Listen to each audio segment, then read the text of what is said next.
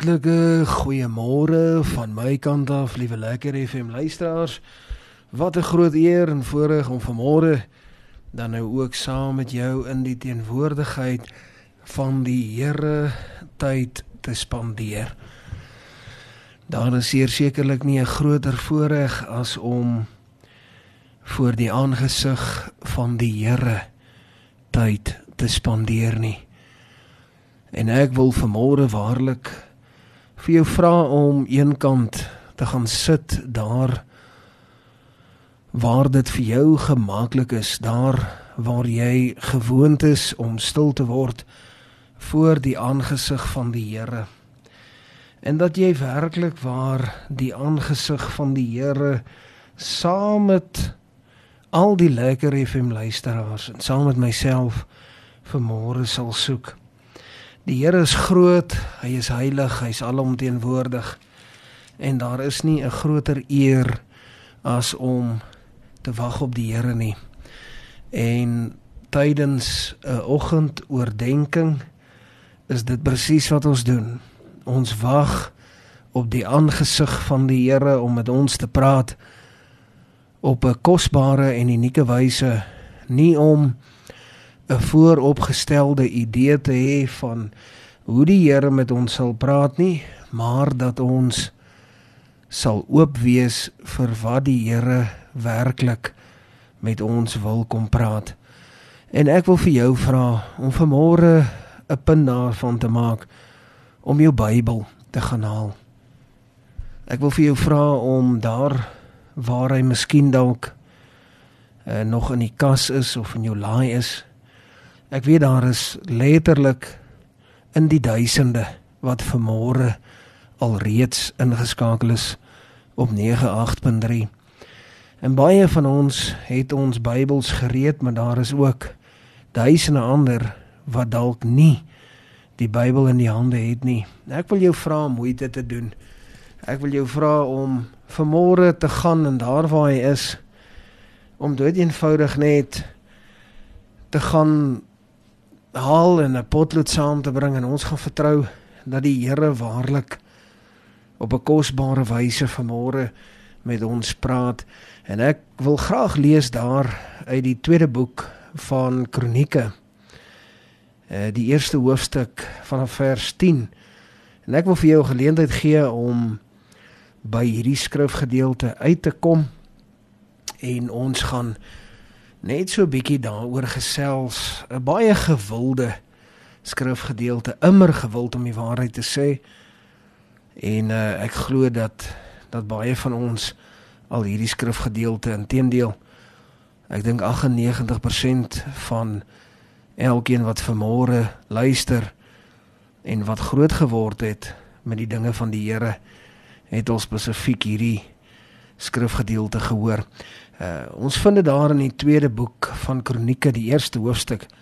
Ek begin vir my om te lees daar vanaf vers 10 tot en met vers 13 en dan gaan ek vra dat die Here sy woord vir môre seën en gaan ons 'n paar gedagtes met mekaar deel. Maar baie treffend, kom ons lees dit saam. Gee my nou wysheid en kennis, sê Salomo dat ek wat Salomo is voor hierdie volk kan uit en ingaan. Want wie kan hierdie groot volk van u o God regeer?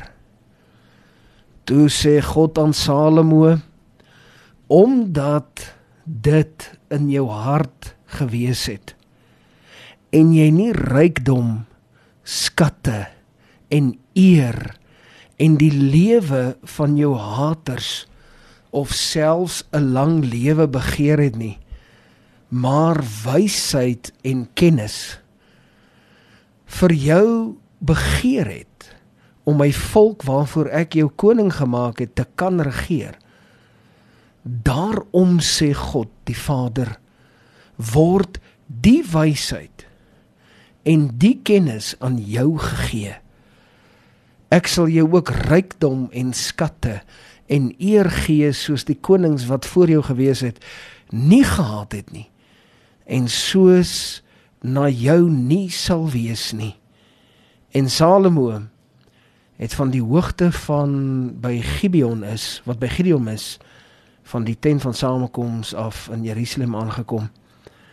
En hy het oor Israel regeer. Tot sover die woord van die Here. Kom ons sit net so. Sluit ons die oor en bid ons saam. Hemelse Vader, dankie vir u woord. Dankie dat u op 'n kosbare wyse vanmôre met ons kom praat.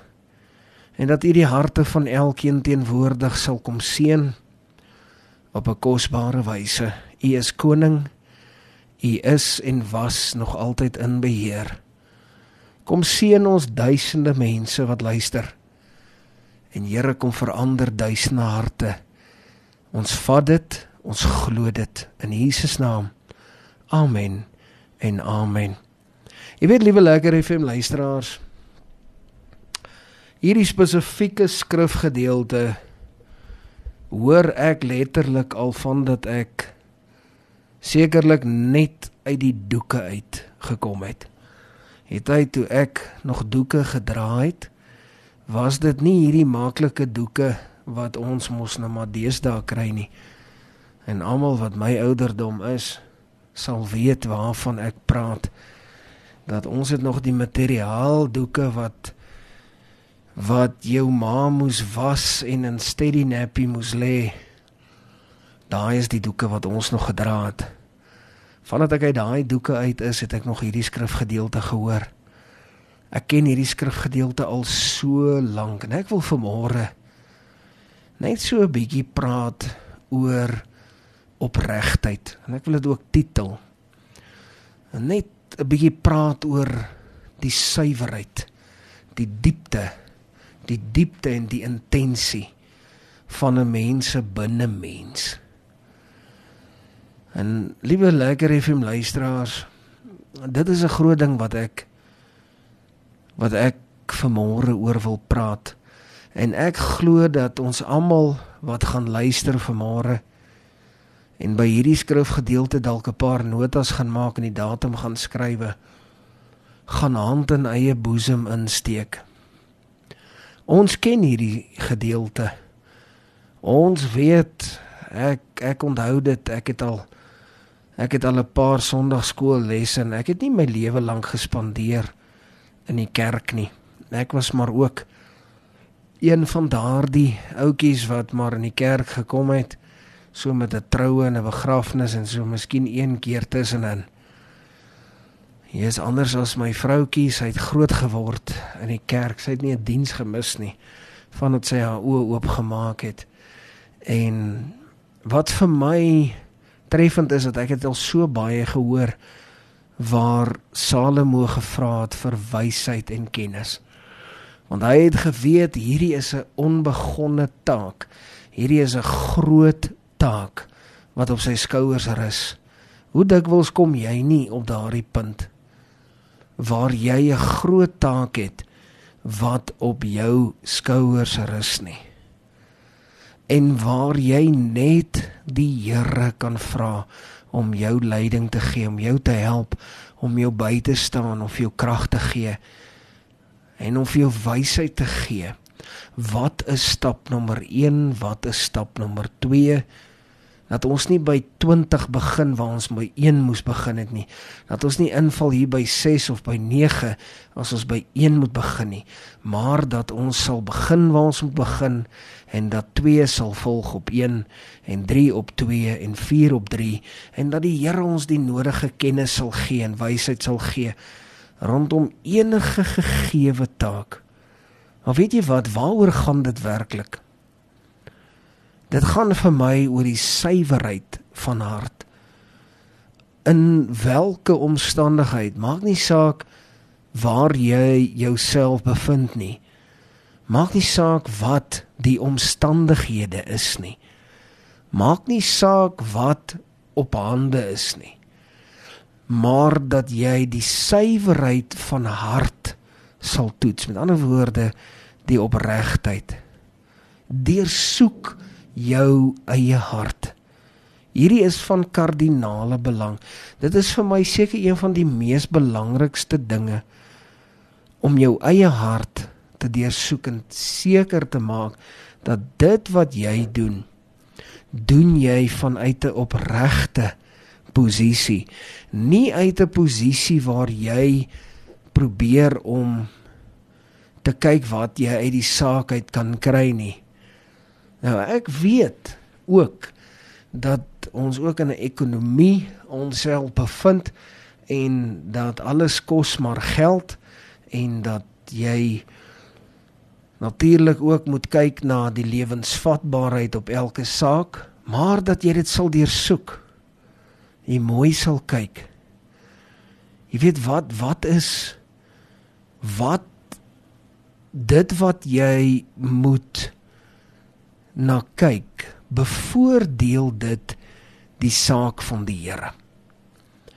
Ek dink dit is 'n baie basiese en 'n een eenvoudige wyse waarop jy mooi kan bepaal waarmee jy besig is. Bevoordeel dit die saak van die Here. Jy weet breek jou hart oop. sien dit sien dit soos 'n granaat. Wanneer jy 'n granaat oopbreek en jy na die vrugte daar binne kyk, sien dit asof jy jou hart so vat in jou hande en dan breek jy hom oop. Dan kyk jy baie mooi daar binne. En dan vat jy 'n helder helder soeklig. 'n Helder soeklig, sommer met 'n vergrootglas. Dan skyn jy daardie soeklig op jou hart, op die binnekant van jou hart. Dan gaan kyk jy mooi gaan deursoek jou hart. Hoekom? Wat is die intensie waarmee jy besig is? Wat is die intensie van jou hart? Hoe suiwer is jou hart? Want Salomo het 'n suiwerheid van hart gehad. Hy het gesê: "Here, hierdie saak wat U op my hart gerus het, is groot. Al wat ek U vra is help my." Here, my intensie is reg. Salomo het dit so gestel. En die Here het gegaan en daardie omstandigheid gebruik. Onthou ons lees baie maal soek allereers die koninkryk van God. Daarna sal alles bygevoeg word. Dis mos nou wat hier gebeur het. Hy het die hy het die saak van die Here gesoek en die Here het alles bygevoeg. Die Here het gesê ek gaan vir jou rykdom en skatte en alles wat jy voorvra ook gee, meer as wat jou vorige konings wat jy nou al van gelees het en gehoor het wat nog voor jou geleef het, meer as wat hulle gehad het, gaan ek vir jou gee omdat jou intensie reg was. Ek wil vandag vir jou aanmoedig. Ek wil jou inspireer. Verander jou strategie. Verander jou strategie. Moenie net kyk wat kan ek uit dit uitkry nie, maar hoe kan ek die saak van die Here bevorder? Hoe kan ek die mense wat die Here vir my stuur of wat die Here my pad langs stuur, hoe kan ek hulle dien op 'n goddelike en 'n 'n kosbare wyse?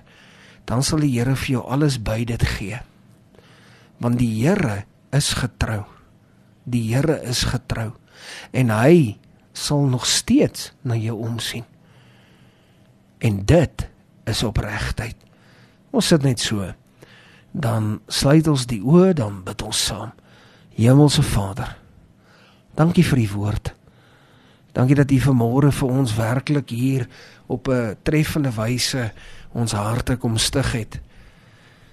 En Here baie dankie dat ons weet omdat ons weet dat as ons vra in opregtheid dan sal U gee. En U hand was nog nooit toe gewees nie, nog altyd gegee. En vir dit Here sê ons dankie. Ons loof U daarvoor. Ons prys U daarvoor en ons sê vir U dankie. Here kom en seën U woord. Seën elke lekker FM luisteraar sowel as lekker FM in Jesus naam. Amen. En amen.